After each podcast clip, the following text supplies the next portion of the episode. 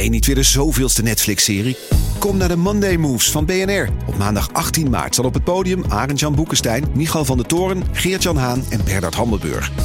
Ze hebben het over geopolitiek. Het is oorlog. Moeten we vechten, vluchten of bevriezen? Onder leiding van mij, Art Rooijakkers. 18 maart dus in het De La Mar Theater in Amsterdam. Check bnr.nl slash mondaymoves. Leuk dat je luistert naar Gonzo. Misschien goed om te weten, vanaf aflevering 42 zijn we te beluisteren op Podimo. Kortie Media.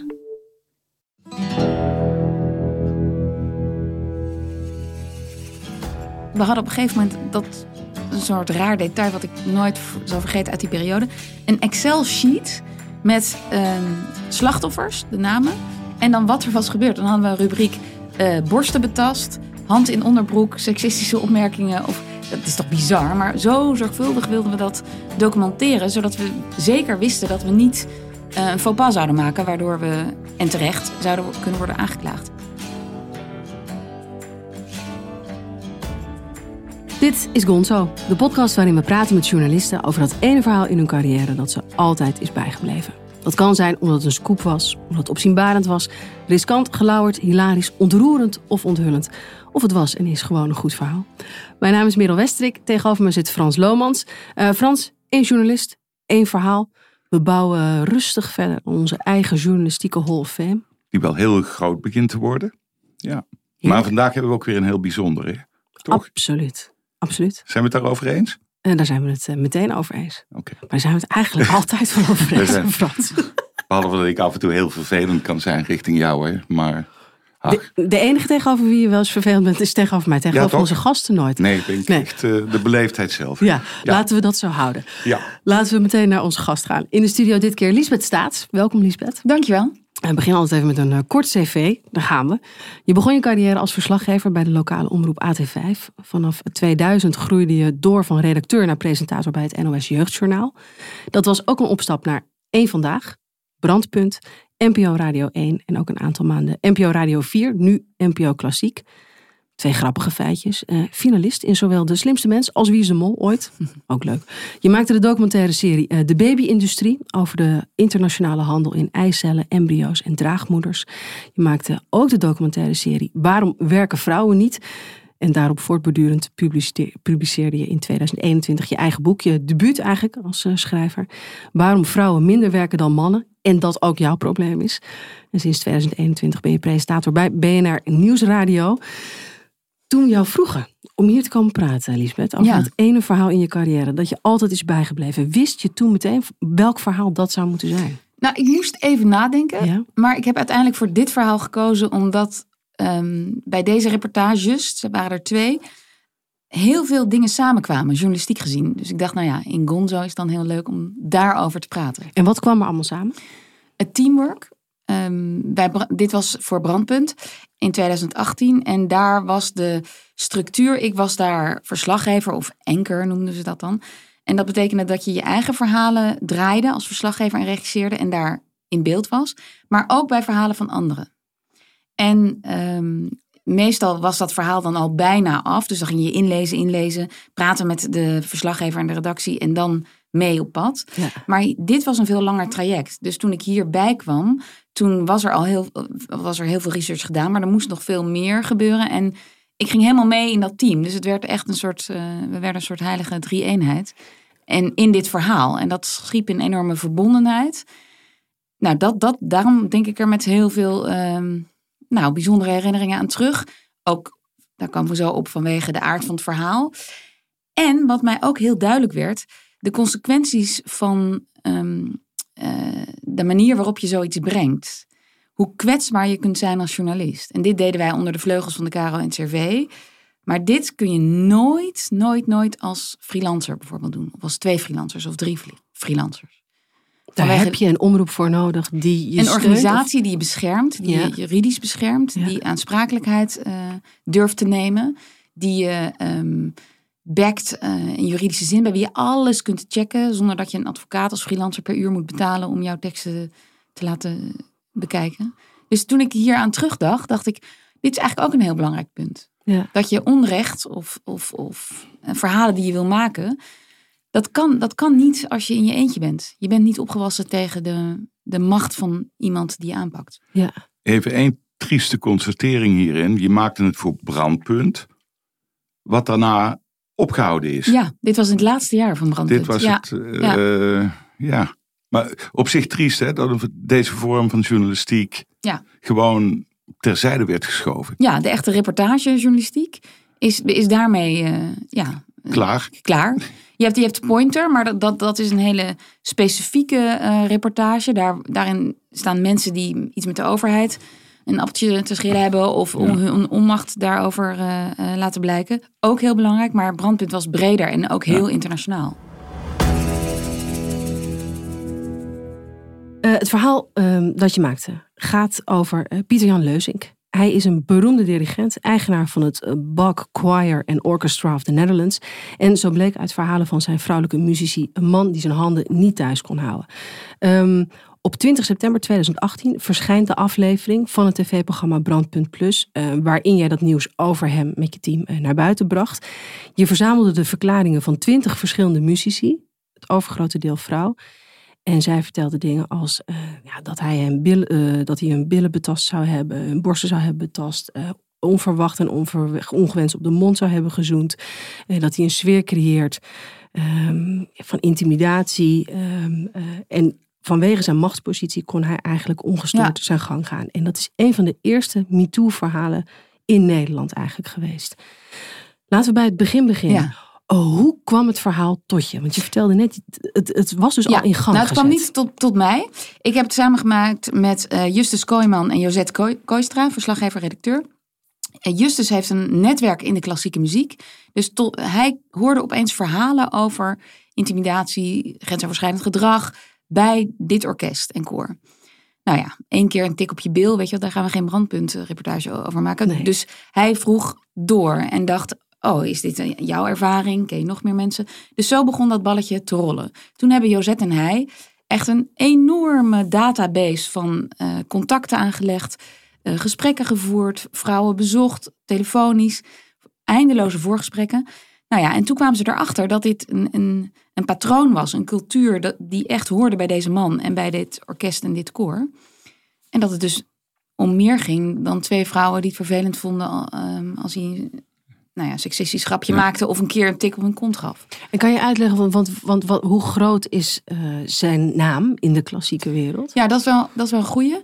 Ehm, ieder weekend bijna staan er in alle weekendkranten grote advertenties. Sinds die reportage niet meer met zijn foto, maar anders stond zijn foto altijd heel groot in de krant. Waarin hij ehm, nou, tegen voor de klassieke muziek redelijke prijzen heel veel kaarten verkoopt voor ja, de, de, grote, de grote kaskrakers. De Matthäus, het Requiem. Ehm, en dan doet hij hele grote series in het concertgebouw of nou, door het hele land gaat hij.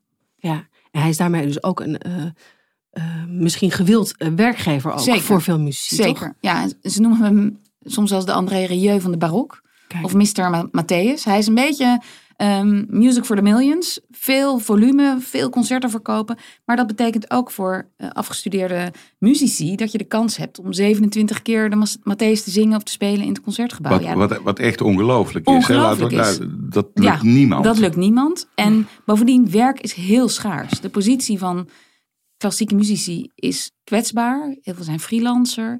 Je hebt, je hebt gewoon een volledige conservatoriumopleiding achter de rug. Maar er echt van leven als uitvoerend muzikus is gewoon heel erg pittig. Dus het is fijn als je veel werk krijgt Ja, bij, ja. bij iemand. En het is ook altijd voor jou tien anderen, geloof Precies, ik. Hè? Van, eh, bedoel, Ja. er, zijn meer Ja. werkloze muzici dan eh, Ja. florerende muzici. Ja, dat is zeker. En heel even, even de tijdsgeest nog, eh Lisbeth. Want eh 2018 eh, wordt dit verhaal gepubliceerd. Ehm, waar zitten we dan op MeToo-gebied eigenlijk in Nederland? Was dat, we speelden het Nou, in Nederland nog nauwelijks. Eh, we hadden wel Harvey Weinstein Ja. in Amerika. du- Dus we waren bekend met het fenomeen. Ehm, maar echt in Nederland... Ja, ik kan me niet herinneren dat er eerder een verhaal was... waarin dit zo aan de kaak werd gesteld. En ik merk, als ik het nu terugkijk... hoe voorzichtig wij zijn. En hoe, hoe ehm, zorgvuldig we onze woorden kiezen...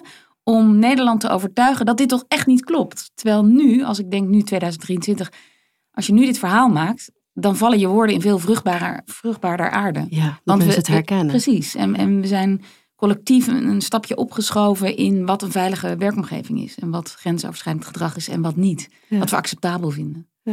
Want je vertelt dus, eh, je collega eh, Justus had dus de eerste contacten gelegd Ja. eh, met, met, met vrouw. Dat zijn allemaal gesprekken, kan, kan je daar iets over vertellen? Die gebeurden allemaal, ja, kwam hij bij ze thuis? Ja. Ging je naar ze toe? Telefonisch en bij ze thuis. Ze sprak af. Sprak af met men, ook met mensen in, eh, hij en Josette, met mensen in hun omgeving. Weet je wel, want dat is natuurlijk, eh, ja, die, die Pieter-Jan Leuzink, die sloeg toe als er niemand anders bij was. Qua opmerkingen deed hij dat wel aan plein publiek trouwens, maar echt hand in onderbroek en eh, hand op je borst, dat deed hij niet bij, eh, tijdens een generale repetitie, zeg maar. Laat staan tijdens een concert. Ja, nee, nee, precies. Maar kan je de situatie schetsen waarin veel van die vrouwen het, het terechtkwamen Ja. met hem? Nou, de- de- wat belangrijk is om te weten is dat hij dirigent was, Ja. artistiek leider, Ja. ook de directeur van eh, de organisatie. En hij deed alle audities, nam hij af. Dus je kwam via hem binnen en hij besliste later ook of jij een solo kreeg, of waar je stond in het koor, waar je stond, eh, of je eerste viool of tweede viool ging spelen, letterlijk. Dus hij had macht op alle terreinen binnen die organisatie. En ehm, zijn visie was, vertelden die vrouwen, dat eh, eh, vooral zangers moesten zichzelf bevrijden. Om echt een hele goede zanger of zangeres te zijn, moest je weg van je eigen blokkades, je bagage uit je jeugd, dat moest allemaal weg en dan kon je vrij en beter zingen. en, en daar hield hij een hele rare methode op, op na. Hij vond ook dat dat fysiek was en dat hij dan aan je mocht komen. En nou ja, ik kan me voorstellen dat op conservatoria mensen ook wel zeggen, je gaat zo staan. En, en, Ja. weet je Rechtop, wel. dat ze even Ja. je schouders pakken om je rechtop te Ja, zetten of weet zo. je wel? ja. Ja, dus, dus dat is in de kunsten natuurlijk vaker dat het fysiek is en dat dat niet normaal is. Maar hier ging het veel verder. Ja, een, een vrouw vertelde ook ja, dat hij dan, haar dan over de schouder gooide en rondjes ging rennen door de repetitielokaal. En ik kan me zo goed voorstellen dat je denkt dat je een heel eind meegaat in die bevrijdingstheorie. Maar dan niet meer zo goed de vinger erop kunt leggen eh, wanneer dat belachelijk is. En wanneer het nog in dienst staat van jou als kun, artiest, als, als muzikus. Ja, De glijdende schaal. ja. Hoe, Ja, nee, ga Nee. verder. eh, Ja, want, want wat ik ook wat, wat, wat, wat ik opvallend vond in die eh, reportage, of wat ik ook een, ehm, eh, een ehm, ehm, ja, soort, nou niet te herken, ja, misschien ook wel een herkenbaar moment ergens vond, was dat hij ze altijd, wat je net ook al zei, probeerde alleen te krijgen. Dus repetities duurden eh, vaak eh, tot 's avonds laat. Ja. We waren ook soms in zijn huis, hè, met Ja. eh, bijvoorbeeld sopranen die een solo moesten zingen. Dus dan liet hij ze bij hem thuiskomen. Dan liet hij ze tot laat repeteren. En dan kreeg je toch ergens een soort ongemakkelijke situatie. We hebben even een fragment van een van de vrouwen apart gezet. En op een gegeven moment vroeg hij mij mee naar huis. Dat wilde ik eigenlijk niet, maar ik deed dat ja, om toch maar dan niet tegen hem in te gaan. En denk, nou ja, goed, nou ja, vooruit. Toen ging ik met hem mee naar huis en toen kwam eigenlijk de eerste echt nare ervaring dat hij mij op de bank vroeg. Hij pakte me vast en drukte zich heel hard tegen hem aan. En ik wilde dat niet, maar hij, eh, hij dulde geen tegenspraak. Dus hij pakte mij gewoon vast en hij bleef me vasthouden op de bank. En wat zei hij? Dat ik dit niet wilde en daarna verstijfde ik. Ja. Nou, Ja. dit, dit soort situaties. Ja. En dit, dit is niet één verhaal. Hè? Ik bedoel, dit, dit is, staat voor ja. tien verhalen. Nou, in totaal hebben we twintig vrouwen eh, gesproken. En eh, zes hebben er een verhaal bij ons verteld in de reportage. En hoe Ja. ingewikkeld was het om ze ervan te overtuigen dat ze het verhaal in de reportage eh, moesten vertellen? Want op camera, want ze zijn wel geanonimiseerd. Maar Ja. toch, je moet het wel vertellen. Nou, dat was eh, heel intensief. En ja, Justus en Josette hebben daar zoveel tijd in gestoken. Niet om ze over te halen van wij willen die reportage maken en doe dat vooral. Maar ook eh, om hen het vertrouwen te geven dat hun verhaal bij ons veilig was. En dat we er alles aan zouden doen om dat zo anoniem mogelijk en op hun manier en op hun tijd ehm, uit te zenden. En dat, dat is gelukt. Kun, kun je nog het moment herinneren dat jullie samen besloten van dit is een reportage? Ja. ik bedoel, Ja, jullie hebben natuurlijk heel lang in, een- in soort onzekerheid eh, gezeten. Hè? Van, hebben we genoeg? Klopt het? Eh, krijgen we niet 32 rechtszaken over ons heen? Ja, Dat moment? Wat, Ja. ik denk dat dat was. We hadden op een gegeven moment dat een soort raar detail wat ik nooit zal vergeten uit die periode.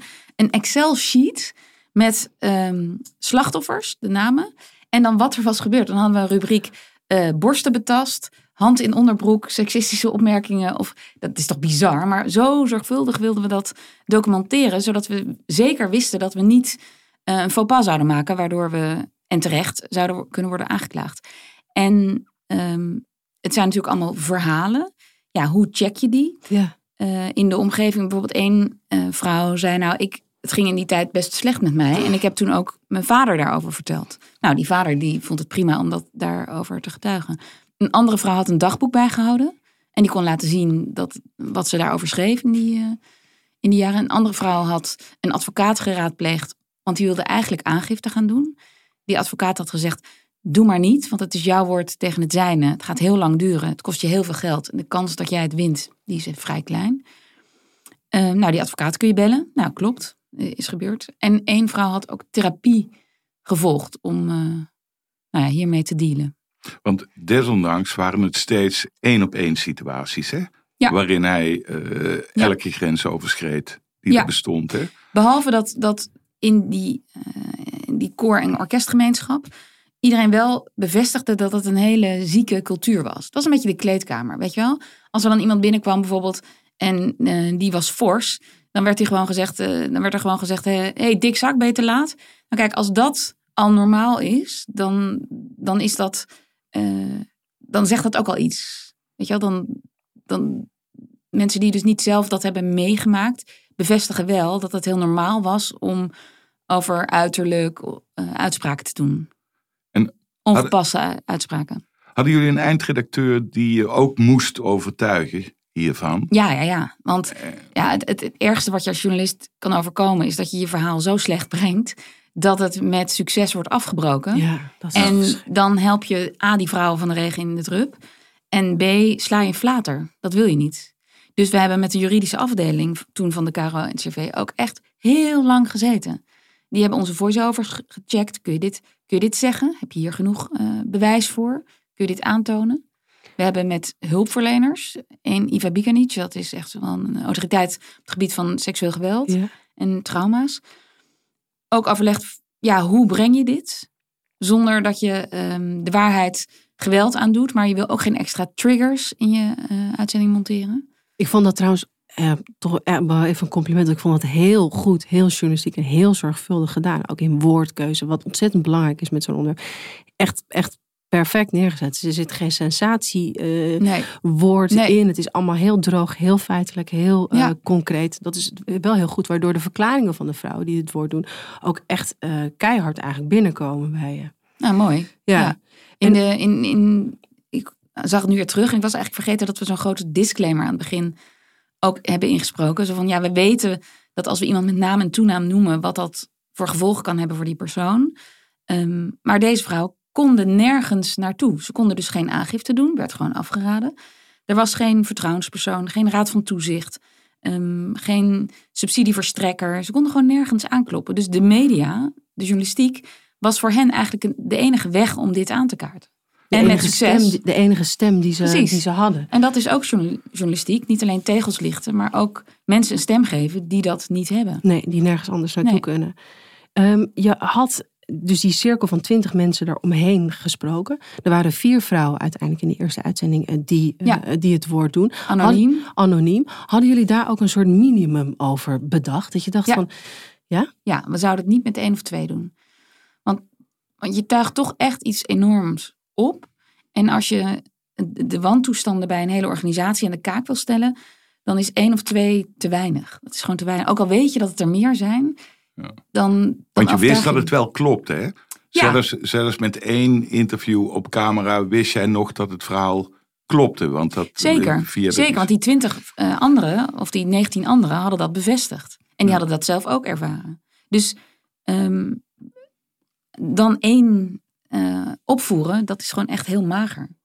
Dus bij vier zeiden we, oké, nou nu hebben we vier verhalen die elkaar aanvullen. Ja. En die echt goed te checken zijn, dus dat durven we. ja. Eh, Wat was het motief uiteindelijk van eh, de vrouw die het woord deden eh, in de uitzending om dat te doen? Ehm, tweeledig. Ten eerste, dit moet stoppen, want hij toert nog steeds door Nederland. Er gaan- er komen nog steeds mensen auditie doen die in dat koor of orkest gaan zingen en spelen. En zij zeiden, ja, ik weet hiervan. Ik heb het meegemaakt. Ik zing daar niet meer. Maar ik weet dat het nog gebeurt. En daar kun je dan niet van slapen. Dus zij wilde, zij wilde dat het stopte. Echt andere waarschuwen ook om. Ja, en, voor, en, en, en het tweede deel van hun motivatie was denk ik ook ehm, rechtvaardiging voor jezelf. Ik heb het meegemaakt, klopt niet, dit moet verteld worden. Ja. Er is mij onrecht aangedaan. Ja. Had je het idee dat je met slachtoffers praatte? Of viel het in die zin mee? Hadden ze het verwerkt? Ehm, Toen je, toen je ze op camera... een beetje wisselend. Voor Ja. één iemand was het nog echt heel emotioneel, herinner ik me. Ehm, en het, rare is ook dat als je daarin duikt, je rakelt heel veel op. Hè? De, we vragen aan hen van ga eens terug naar die tijd. Zijn er mensen die je verhaal Ja, kunnen je vraagt om een, bijna om een herbeleving, hè? Nou, eigenlijk wel. Ja. ja. Dus dat was sowieso wel emotioneel. Maar ehm, nou, het, de emotie van dit moet verteld worden was groter. Ja, ja. En, Elisabeth, heb je dat van tevoren ook bedacht? Want ik kan me voorstellen, je, je, als journalist interview je natuurlijk eh, bijna op dagelijkse basis misschien wel mensen. Maar dit is een ander soort interview. Precies wat je zegt, om, om het oprakelen van een, eigenlijk een traumatische gebeurtenis.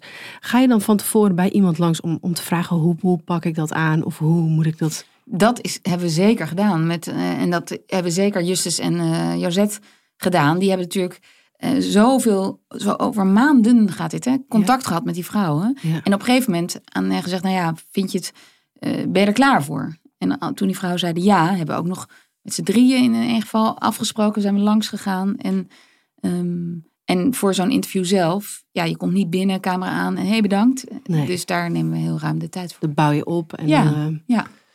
En kan je ze dan ook al vertellen eh, of ergens een soort inzicht geven in wat het misschien gaat doen als het gepubliceerd wordt? Want, want het verhaal vertellen is één, dus terug naar die tijd gaan is één. Maar Ja. vervolgens krijg je ook nog de impact misschien wel van die publicatie en de uitzending. Nou ja, wij hadden een verantwoordelijkheid voor de gevolgen voor die vrouwen, maar ook voor Pieter-Jan Leusink. Weet je, we hebben natuurlijk heel erg nagedacht, wat zijn de gevolgen? We hebben ook, ehm, los van die vrouwen, ook Pieter-Jan Leusink uitgenodigd. Toen wij dachten, oké, nu gaan we publiceren, we hebben het rond.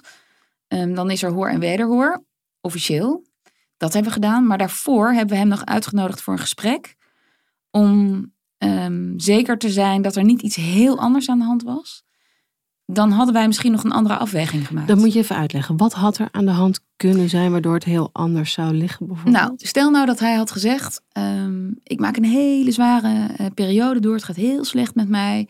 Ehm, ik eh, kamp zelf met een trauma. En ik ben in therapie. En ik, het klopt. Het, ik, heb er ehm, fout Ja. aan gedaan. Ik wil die vrouwen helpen. Laten we dit oplossen. Laten we samen zitten. eh, het stopt hier. Eh, fijn dat ik gewaarschuwd ben. Weet je al zo. Dan, dan kun je zeggen: Oké. eh, dan was, je- het, was het dan geen uitzending nou, geworden? dan was het wel misschien een andere uitzending geworden. Ja, want die verantwoordelijkheid voelde je. Van, ook Ja. naar Leusing toe. Nou ja, van, ook, eh, en daar, dat is wel grappig. Dat, daar zie ik heel erg het verschil tussen 2023 en 2018. Ik denk dat dat nu veel, heel anders zou zijn. dat je nu je daar niks van zou aantrekken. Hoe het, Nou, Hoe dat, hij dat was, niet of- helemaal. Maar ik zie nu wel meer in... ehm, eh, In andere berichtgeving Ja, over dit soort zaken. Ja, dat, daar, dat daar iets minder rekening mee wordt gehouden. Of dat we, het, dat we nog iets sneller alleen de kant van de slachtoffers kiezen of zo. Dat ben ik wel met je eens. Want ik, zie, ik heb ook onderzoeken voorbij zien komen. MeToo-achtige eh, Mhm. verhalen. Waarin niet gecheckt bijvoorbeeld wordt in de omgeving of de verhalen kloppen. Ja. ja, dus we zijn daar iets makkelijker, zeg ik heel voorzichtig, in geworden.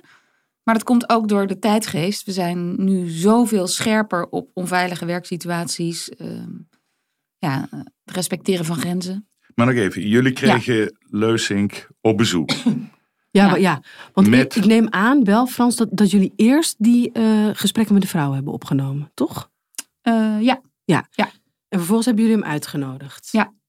dat was Hoe- ongeveer, ik denk twee weken of zo, voordat we, voordat we het plan hadden om die reportage uit te zenden. Hoe ging dat Nou, gesprek? dat is het Vertel eens. allerraarste gesprek wat ik ooit heb gevoerd in Ja. mijn journalistieke carrière. Wij stonden helemaal ja, vol spanning. En Waar hij- was het? Waar was het? Even bij, de bij de Caro NCV. Bij, Oké, Ehm, en hij had zijn rechterhand meegenomen. Een vrouw die eh, eh, bij hem in de organisatie werkte. ja. En we hebben het gesprek opgenomen, maar ook gezegd: dit, dit gesprek komt op geen enkele manier in de uitzending. Oké. Dus, eh, en zij ging het ook opnemen. Dit is echt privé. Nou ja, We willen het aan je voorleggen. Precies. We willen iets en aan je voorleggen. de kans geven om te reageren. Had hij toen al enig idee Ja. wat er speelde? Ja, want we hadden wel, toen we hem uitnodigden, gezegd: Nou, wij hebben Hier gaat het over. hier gaat het over. En, en zoveel klachten zijn er. En eh, dit willen we En hij aan je kwam, voorleggen. En hij kwam. hij kwam. Hij kwam. Dus ik ga nu niet ook uit dat eh, gesprek citeren, want dat hebben we gewoon beloofd. Maar ik kan er wel over zeggen dat we geen enkele reden hadden om te twijfelen aan onze reportage. Dus wij zijn niet overtuigd op dat moment van het feit dat er iets anders aan de hand was dan wij dachten. Want wat voor een indruk maakte die op je? Ehm, Arrogant, eh, toch nee. kwetsbaar. Nou, niet kwetsbaar. Dat was het belangrijkste. Hè? Ja, Dat Ja. was het criterium van, ja nou ja, kijk. eh, ja, nou, het criterium was wel iets zwaarder. Oké, Ja, ik bedoel, wij wilden zeker weten dat wij niet een enorme fout begingen door iemand helemaal verkeerd in te schatten. En, en nogmaals, als hij zou zeggen, ja, er, er is iets, er zijn persoonlijke omstandigheden waardoor dit allemaal gebeurd is en ik realiseer mij dat. Nou, laat ik er dat over zeggen, dat, die indruk kregen wij niet. Maar toch even, Lies, want ik had Ja. toch even iets meer. Want hij komt dan binnen Ja. met zijn rechterhand. Jij zit daar met eh, eindredacteur, met die twee redacteuren, met Justus en eh, andere- Josette en, en de eindredacteur. Oké, en je eindredacteur, hij komt binnen. Ehm, vervolgens, je stelt je voor. En Hoe- wij vertelden, wij vertelden wat er eh, tot ons was gekomen, wat we onderzocht hadden, ehm, wat onze conclusie was en waarom wij vonden dat we dit moesten uitzenden. En hoe reageerde hij? Ja, dat, ik ga daar niet uit citeren, want ik- dat het hebben we toen beloofd. off the record. Hè? Ja. Maar qua, qua sfeer, wat was de sfeer op het moment dat je het verhaal Nou, had laat ik het bij mezelf houden. Wij, waren, Voor jou, ja. Dat kan je persoonlijk kan je het wel wij vertellen. stonden strak als een veer. Ja. Wij- want de man over wie wij maanden hadden gehoord, onderzoek hadden gedaan, eh, afwegingen hadden gemaakt, journalistieke, juridische, die zat opeens voor ons. Ja. En wij wilden heel graag dat hij ook zou reageren in de uitzendingen. Tegelijkertijd was er ook een uitnodiging, mogen we jou dan ook interviewen? Dat Dat kun je verhaal vertellen. Dat was een dubbel belang. Er moest of een bevestiging of een ontkenning komen. Of het, het Ja. verhaal moest getoetst worden. En, hij, wil- en je wilde hem nog, Ja, nog interviewen. Nog, ja, maar van die gelegenheid heeft hij geen gebruik gemaakt. Al tijdens jullie... heel eh, keurig. tijdens, Wacht even, Frans. Frans, ik, wil, we moeten, ik wil even Hij wilde niet reageren. Hij wilde niet Nee. reageren. Maar zei hij dat op vriendelijke wijze? Eh, ja, was, ja, was allemaal prima. Zei hij überhaupt veel? Eh, niet zoveel. Zo, Verwees hij de verhalen naar het Rijk der Fabelen? Of zei, zei hij dat Nou, het allemaal onzin was? Ja, want dat heeft, heeft hij later bij monden van zijn advocaat, Peter Plasman, laten weten. Dat hij zich niet herkent in de verhalen. Hij verwijst het inderdaad naar het Rijk der Fabelen. En zegt dit zijn emotionele reacties gebaseerd op een zakelijk verschil van mening. Zoiets. Hij kon op geen enkele manier kon hij erin mee. Nee. Hij zei zelfs ook niet van, ja, zo doen wij dat gewoon bij het, eh, bij het koor. Nee. Eerder hadden die vrouwen wel verhaal gehaald. Eerst bij zijn rechterhand, eh, ook bij Leusink zelf. En dan kregen ze dat te horen. Ja, daar moet je tegen kunnen. Hè? Als jij een artiest wil zijn en met vertrouwen op het podium wil staan, dan moet je daar tegen kunnen. Wat ik ook trouwens best schokkend vond. Want het, eh, volgens mij, ik hoorde de stem van mij waren twee Ja. vrouwen. Ja, Die gewoon eh, Ja. naar Marjolein, eh, de vrouw die in de reportage haar verhaal doet, gewoon zei: Ja, maar ja, ja. ja als je daar niet tegen kan. ja, dan je weet hoe die is. op. Ja. En ook een totale victim blaming. Want dan zegt deze Marjolein, die, die heeft dat gesprek opgenomen op geluid. En die zegt dan, ja, dan, gaat hij aan, dan wilde hij aan mijn borsten zitten. Ik wil dat gewoon niet. En dan, en dan zegt een van die vrouwen, ja Marjolein, weet je wat ik dan altijd zeg? Hé hey, lomperik, ga eens weg. Dus Ja. met andere woorden, omdat jij niet assertief genoeg bent, eh, is het jouw probleem en niet zijn probleem. Totaal de omgedraaide wereld. heeft hij geprobeerd de uitzending tegen te houden? Ehm, nou, eerst zou, de, volgens mij is er gedreigd met een kort geding. Maar dat is er niet gekomen. Maar wij kregen wel van eh, zijn advocaat eh, hele pittige brieven waarin hij ons, dus de redacteuren en verslaggevers, eh, hoofdelijk aansprakelijk stelde voor vier ton. Dat ben ik nooit vergeten. Vier ton Per persoon? ja, echt. Voor geleden schade. Nou, dat, daar hebben we later nooit meer iets van gehoord. Maar eh, dat was echt een bluffpoker. Dat was een heel hard blaffen. Kijken of we dan... Was er De dan een onderwerp van gesprek eh, intern bij jullie? zeker, ja, ja. Van eh, durven we dit risico te nemen? Ja, maar daarvoor waren we zo goed beslagen ten ijs gekomen... dat we dat eh, konden hebben. We wisten dat hij, dat hij voor een rechter geen, geen poot had om op te staan.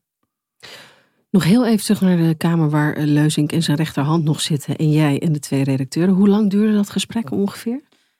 Nou, ik denk wel bijna een uur. Bijna een uur wel. Drie kwartier, een uur, ja. Oké. En toen jullie afscheid namen, was al duidelijk dat hij niet meer wilde reageren. Of wat was je daar het meest van bijgebleven van dat, van dat moment? Nou, ehm, ik was natuurlijk ook heel benieuwd hoe Pieter Jan Leusink zou zijn als mens. Als je zo lang je bezighoudt met iemand, ja, op een gegeven moment wil je, wil je hem ook ontmoeten en, en, en vragen stellen. Dus ik zat ook heel erg naar hem te kijken van, hè, ben jij nou de man die... eh, nou, dit kan ik er wel over zeggen, want dat zie je ook op beeld. Het is niet echt een Casanova of zo. Nee. dat is ik hier nog licht uit.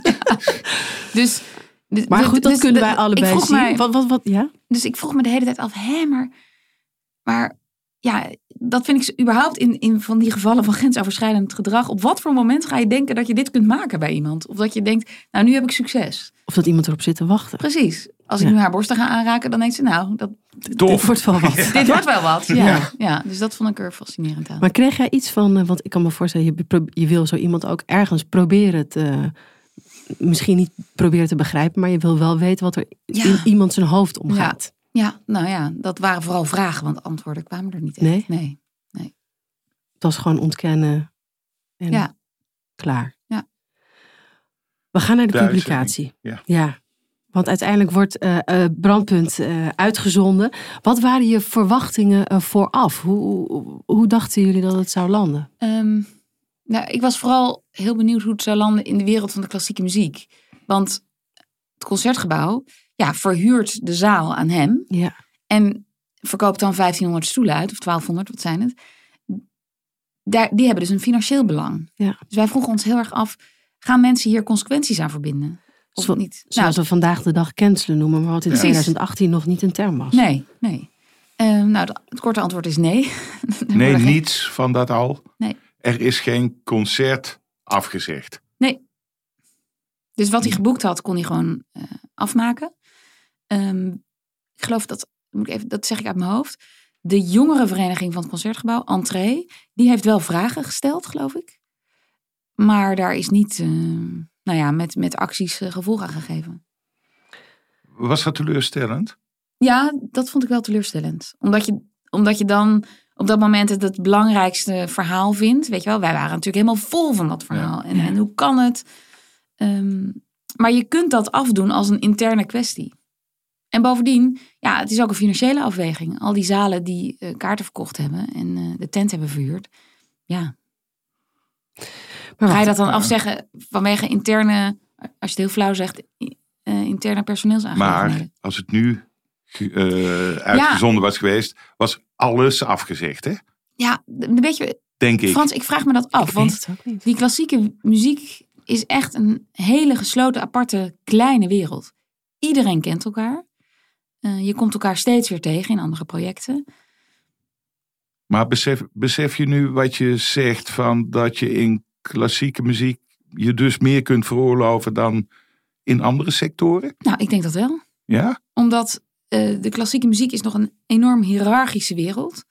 De, de manier van werken is... Ja, dirigenten zijn een soort goden. Hè? Die, die, permitteren zich, die permitteren zich heel veel. En dat bedoel ik niet grensoverschrijdend gedrag, maar dat zijn echt sterren. Die vliegen de wereld... Ja, deze Pieter Jan Leusing niet, maar... De, de, de, de grote dirigenten, ja, die, die hebben een leven. Daar, daar, daar kunnen wij ons niets bij voorstellen. Hoe Jaap van Zweden ontvangen wordt in New York en Texas en, en China. Dat, dat, daar kunnen wij in Nederland, dat weten wij niet eens.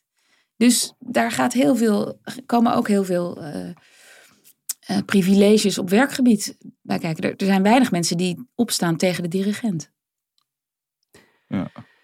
Nog even terug naar de publicatie, want de, de uitzending is dan uitgezonden. Er gebeurt dan eigenlijk in die week daarna, eh, dus wat, je, wat jullie eigenlijk van tevoren verwachten, van het, het concertgebouw gaat, gaat misschien reageren of gaat zeggen van jongens, we gaan even deze Ja. man geen plaats geven of geen podium geven. Dat gebeurt niet. Nee, er verschenen wel artikelen in kranten over. Ja. Ehm, maar ja, klassieke muziek is natuurlijk ook niet The Voice, hè? Naar The Voice Hm. daar hebben we allemaal naar gekeken. Dus Ja. dat, ga- dat raakt ons allemaal. Dit zouden mensen die een kaartje gekocht hebben kunnen raken. Maar heel veel mensen weten ook niet precies welke Matthäus ze hebben gezien, weet je wel? Nee. En zo'n grote naam was hij nou ook weer niet. Zo'n household name. Wanneer besluiten jullie om er nog een tweede uitzending aan te wijden? Ehm, Want er is een vervolg gekomen Ja. op de eerste. ja, een maand of twee maanden later. En reacties van andere vrouwen die... Eentje woonde al in het buitenland en een andere zei ja... Als, als deze anderen anoniem een verhaal hebben verteld... dan moet ik... Ik heb mezelf voorgenomen... Als dit ooit naar buiten komt, dan moet ik ze steunen. Dat moment is er nu. Dus ik wil nu gewoon open en bloot mijn verhaal vertellen. En, eh, en vertellen dat dit dus... Ja, je kunt dit niet eh, afdoen als een fabeltje of overgevoeligheid. Dit wil ik steunen. En we hebben met de Kunstenbond, dat is de vak, vakbond van, eh, ja, voor artiesten, een enquête gemaakt of dit nou vaker voorkwam. Of dit nou geïsoleerd was in eh, dit, dit verband. Of dat het echt een, een probleem is wat in de culturele wereld speelt. En die uitkomsten waren behoorlijk schokkend. Ja, er waren 550 mensen die gereageerd hebben. Dus dat ging ja, kunstenbreed, noem ik het maar even. En daarvan zei 45% ja, een MeToo-ervaring heb ik wel gehad. Wat een ridicuul hoog percentage is. Hè? Ja.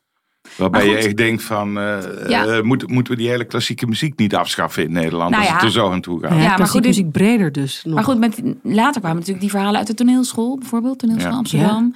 Eh, andere eh, castingdirecteur. eh, castingdirecteur. gehad. ehm, een, een, een docent aan de toneelschool. Dus 45% van de ondervraagden gaf dus aan... ik heb een MeToo-ervaring eh, gehad. Ja, en toen heeft de minister gereageerd. Die zei, was Ingrid van Engelshoven toen, eh, minister van Cultuur. Die zei, nou, dit is zo schokkend. Ik moet met de branche in gesprek om dit ehm, nou ja, te onderzoeken en te kijken waar het aan ligt en, en hoe we zaken kunnen inbouwen om eh, ja, checks and balances, hoe we dat veiliger kunnen maken. En wat is er vervolgens gebeurd? Nou, in het geval van Leusink hebben de vrouwen uiteindelijk eh, gelijk gekregen van het College voor de Rechten van de Mens. Die hebben een uitspraak gedaan waarin staat dat Leusink niet gezorgd heeft voor een veilige omgeving voor jonge vrouwelijke muzici. Ehm, en dat hij nalatig is geweest in de afhandeling daarvan. Dat was, die erkenning was voor hen heel erg belangrijk. En ja, waarom- vonden, ze, vonden ze die sterk genoeg, die erkenning? Ja, Hij had niet verder hoeven te gaan van... nee, het ging, het eh, ging eigenlijk, daar kwam ik ook achter, want ik dacht, misschien willen zij dat hij straf krijgt. Ja, dat ze aangifte. Om Waarom, eens wat waarom te hebben ze noemen. geen aangifte Ja. gedaan? Eh, en, maar die uitspraak van het college was voor hen ook een erkenning van: oké, hiermee staat zwart op wit, dit is gebeurd, dit is fout geweest. En dat jullie je daar rot over voelen, dat heeft grond.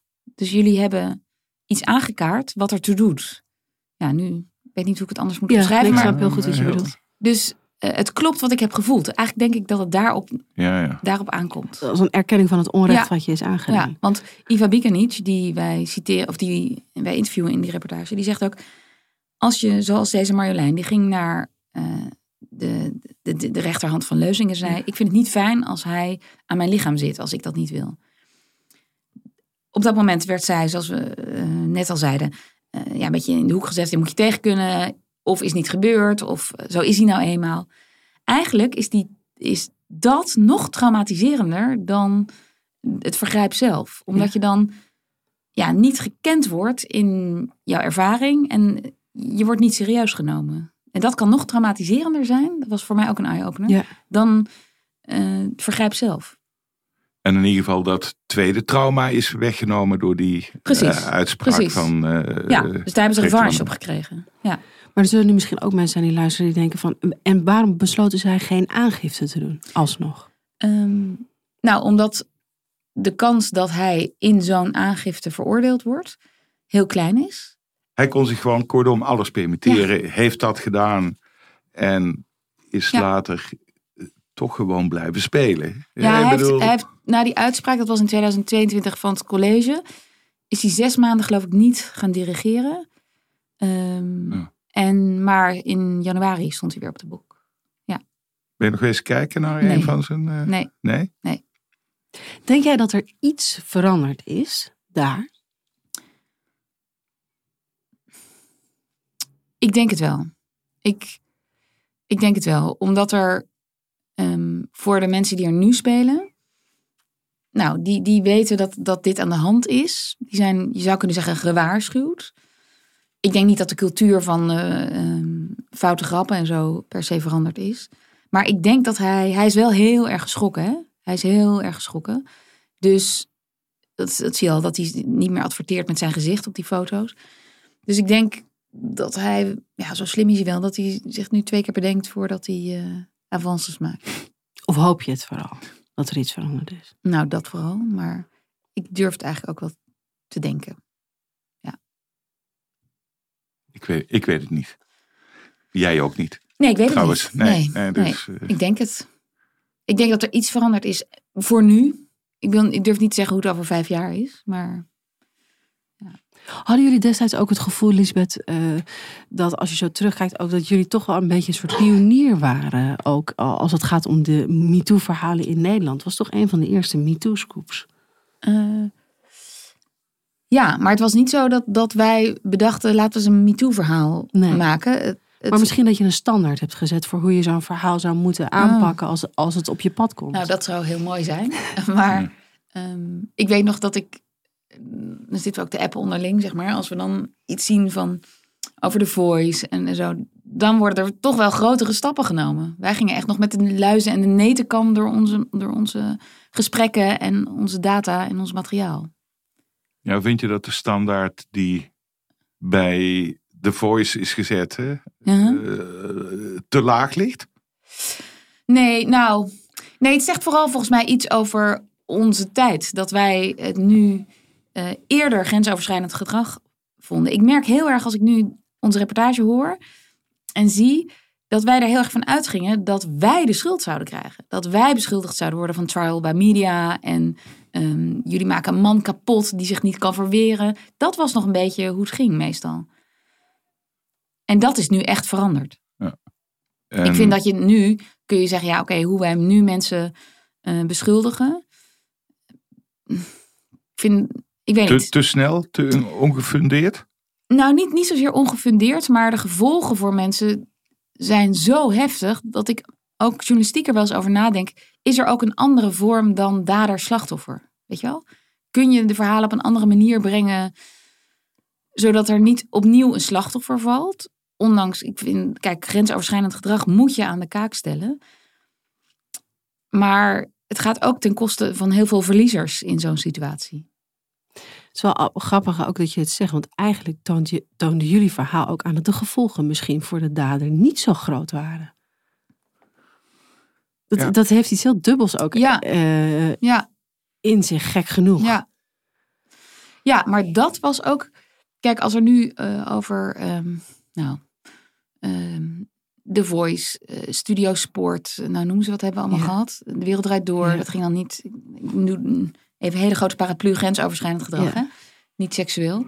Ehm, dat zijn organisaties die zo in de samenleving verankerd zijn, waar we allemaal mee te maken hebben, waar we belastinggeld voor betalen. Dus eh, dat, dat deze Pieter-Jan Leusink de dans een beetje ontspringt, vind ik eigenlijk wel logisch. Ja. Hij heeft zijn hele eigen imperiumpje. Een hele kleine Een zakelijke, eh, Ja. particuliere ondernemer Ja. eigenlijk met mensen die voor hem werken. Waar, die, Hij was, hij was eh, niet aan te pakken. Hij heeft naar eigen zeggen 6 miljoen cd's verkocht bij het kruidvat voor een tientje per stuk. Waarin hij alle Bach-kantates heeft opgenomen. Dus dan kon je zo'n hele box kopen met weet ik veel hoeveel cd's. Waar alle Bach-kantates, dat zijn er 200 op stonden. ja, Hij verdient geld, jongen. ja. Hij is gewoon een hele slimme zakenman. Ja. Heel veel geld naar de marketing en de PR. En eh, ja, hij verkoopt zalen uit. En een hele afhankelijke, onbeschermde positie voor muzikanten die, bij, die spelen. Veel jonge muzikanten, ook veel uit het buitenland, weet je wel. Die, die, dan, die dan uit andere landen eh, met een conservatoriumdiploma op zak in Nederland komen spelen. Wonen alleen, hebben geen netwerk, kunnen niet toetsen of dit normaal is. Nee. Als je dan een avond wordt meegevraagd eh, door de dirigent om je solo nog te oefenen, denk Ja. je Te echt. wel- gek. Ja, en dan Ja. denk je, oh, wat goed, wat Ja. fijn dat we dat Hij ziet, kunnen hij ziet wat in mij. Ja, Nou, en dat is in die kunsten ook niet heel ongebruikelijk. Hè? Ook op toneelscholen of, of in theatergezelschappen. Als je een solo hebt, ja, dan moet je met de regisseur één op één. ja. Je, zou je af en toe, heb ik in dit geval ook alweer, dat je je een beetje schaamt dat je man bent. Hè? Ik, bedoel, ik, ik vind het echt ongelooflijk. Dit hoef Ja, jij allemaal wel niet, niet, eh, ik eh, niet te. Maar- beamen. eh, Maar heb je dat wel eens, Frans, serieus? Ja, ik denk van godverdomme. Waarom doet iemand zoiets? Waarom kan iemand zo schaamteloos misbruik maken van zijn macht? Mhm. Hè, en dan, bedoel, wat daar verder de lol van mogen zijn, geen idee. Hè? Van, wat, wat is er zo fijn aan om dit te doen? Om mensen te kleineren, dingen tegen hun zin te doen. Gebruik maken Terwijl je eigenlijk gewoon ja. mooie muziek wil Ja. maken. hè. Ik bedoel, ik denk niet dat het een heel bijzondere... eh, Nee, de fijnproevers zijn geen, geen, Nee. geen fan. Nee. Nee, en ik heb ook niet die hele kruidvat eh Bachdoos eh, in mijn eh, kamer Nee. staan. Dus. Maar het is, het is een ongelooflijk onsympathieke man, blijkt uit. En, en dan denk ik van ja, hij is gewoon verdomme niet gestraft. En dat, dat vind ik toch eh, qua rechtvaardigheid niet deugen. Nee. Er had iets met die man moeten gebeuren. Eh, Ik bedoel, hadden we in ieder geval een, eh, een concertgebouwverbod van vijf jaar gegeven. Ja. Of tien, of Nou, whatever. ik was, nou, Frans, wel grappig. Ik heb me wel afgevraagd toen jullie me uitnodigden. Wat zou er gebeurd zijn als dit anno 2023 naar buiten was gekomen? Ik denk dat de grote zalen of bijvoorbeeld de kranten misschien toch meer vragen hadden gekregen over hun advertenties of hun verhuurbeleid. Ja. Ja, dat denk ik, dat Ja. denk ik zeker. Dus in Ja. zekere zin was je eigenlijk te vroeg. Hè? Ik bedoel, je bent Ja. een wegbereider geweest. Hè? Laten we het even eh, met grote woorden. Ja, eh, hele grote woorden, beschrijven. Veel te grote woorden, vind jij. Hè, eh, maar hier, hier waren de gevolgen, nu waren de gevolgen veel erger Ja, geweest. ik denk het ook. Ik denk En- dat, het, eh, dat hij daar eigenlijk mazzel heeft. mee heeft. Misschien kunnen we, eh, rakelt dit het nog op dat hij alsnog. eh, nee, ja, daar heb je geen behoefte aan, toch? Nou, Of- hoe lang heeft het je Nee, dwars ja. gezeten dat je hem nooit eh, uiteindelijk echt hebt, hebt kunnen interviewen? Ehm, Ja, dat wilden wij natuurlijk heel graag. Ja. Ehm, maar we hadden ook wel rekening gehouden met het, met het feit dat hij die uitnodiging zou afwijzen. Hij had er niet zoveel bij te winnen. Dat was het. Nee. Dus dan grijpt hij naar een advocaat en ja, dan doe je het daarmee. Schoot me net nog een gedachte binnen. Oh ja, toen jij zei, ja, ik, soms schaam ik me om een man te zijn. Nou, ik vind het ook heel heftig om te zien wat de vrouwen in zijn gezelschap, dus die eh, vol- volgens mij verantwoordelijk waren voor de PR, zeg ik even uit mijn hoofd, maar in ieder geval in die organisatie hem helemaal faciliteerden. Dat is ook een patroon, hè? Want bij Harvey Weinstein Ja. en Jeffrey Epstein, Ghislaine Maxwell, Eh, bij Harvey Weinstein waren het ook vrouwen die die actrices naar Ja. binnen lokten. En als die kwamen huilen bij hen, van, dan, dan zeiden ze ook van ja, het is een harde wereld. De, Hollywood is een taf. eh, Dan mogen jullie ook een beetje schamen dat je Ja. vrouw bent. maar ik vind zo'n vrouw op band horen ontkennen als iemand een klacht geeft. Iemand die bij jou in dienst is. Dat vind ik ook heel heftig hoor. Ja, vind ik ook, vond ik ook echt heel naar om te horen. Ja. Ik heb sowieso beide uitzendingen niet met plezier teruggekeken, Lisbeth. Nee, je werd, er, je werd er bepaald niet vrolijk Het van. is iets, het, het, het is toch iets, het blijft een, eh, een vorm van eh, misbruik die je bloed doet koken. Het misbruiken van een machtspositie met mensen die afhankelijk eh, voor hun werk en een bestaansrecht van jou zijn op zo'n Ja. moment. Dat, dat, dat, dat is zo'n groot onrecht. Eh, Ja. Dat voel ik echt van, van mijn kruin tot in mijn tenen. Ja, wij, wij werden er ook woest van. Ja. Ja. En je moet altijd als journalist zorgen dat je geen activist wordt, hè? Want dan heb je een hele andere Ja. rol. Dus, en ik vind dat we daar heel erg in geslaagd zijn, want we hebben hem eh, uitgebreid de ruimte geboden en we hebben ook gecheckt, klopt het echt? En, en nou ja, et cetera. Maar daar waren we echt wel in, van overtuigd uiteindelijk. Ehm, maar het gaat echt om iets, er gebeurt iets en die vrouwen kunnen nergens met hun verhaal verhaal halen. Nou ja, daar komt dan de journalistiek. En wat, wat ik aan het begin zei, dit hadden we. Kijk, Justus en Josette hebben hier eh, al, voordat ik erbij kwam, waren die al weken bezig. En eh, het feit dat wij dit verhaal uiteindelijk zo hebben kunnen researchen en kunnen brengen, kan alleen omdat we dat binnen de veiligheid van een organisatie deden, waarin wij gesteun, juridisch gesteund waren. Ja. En dat vind ik, dat vond ik eigenlijk ook wel heftig. Want als ik, ik ben nu freelancer, stel dat ik op zo'n verhaal stuit. Nou, ik, heb, ik kan me de tijd niet permitteren. Ehm, zeker niet met z'n drieën kun je dat doen zonder betaald te worden voordat je iets gaat uitzenden. En als Peter Plasman had doorgezet, ja, dan was ik, was ik nu failliet. Met die in de claim van 4 schuldhulpverlening. ton, dan had je misschien ook je verhaal wel laten vallen. Ja, eh, je dacht, mm, ik weet niet. eh, En er zijn nu verhalen waarvan ik weet van collega freelancers die zeggen: ja, ik wil eigenlijk dit gaan onderzoeken, maar dat doe ik niet. Ik durf dat niet, want ik, ik kan dat niet in mijn eentje. Ik hang. Als ik één, één klein stapje eh, buiten de lijntjes kleur, dan hang ik. Dat is toch Heftig, ook- Ja, dat is heel, dat is heel heftig. Zer- Zeker omdat het aantal journalistieke platformen die dat zou kunnen faciliteren of zou moeten verdwijnt en minder wordt. Ja. Dat was onze klaagzanger over de huidige staat van de journalistiek. Nou ja, ja dat, moet, is ook goed om een keer gezegd eh, te worden. Het, het moet gezegd worden. Ehm, Volgens mij hebben we alles ik besproken. denk dat we alles hebben besproken. mij ook. Ja. Ja, oké. Dus, eh, Lisbeth, eh, dankjewel dat Dank je hier jullie wel wilde zijn. voor de uitnodiging. En dit was Gonzo. Mijn naam is Merel Westrik. Tegenover me zit Frans Lomans. En mocht je nou vragen hebben of suggesties, mail dan vooral naar gonzo.kortimedia.nl. We zouden het ook leuk vinden als je een recensie achterlaat. Dan is Gonzo ook beter vindbaar voor andere luisteraars.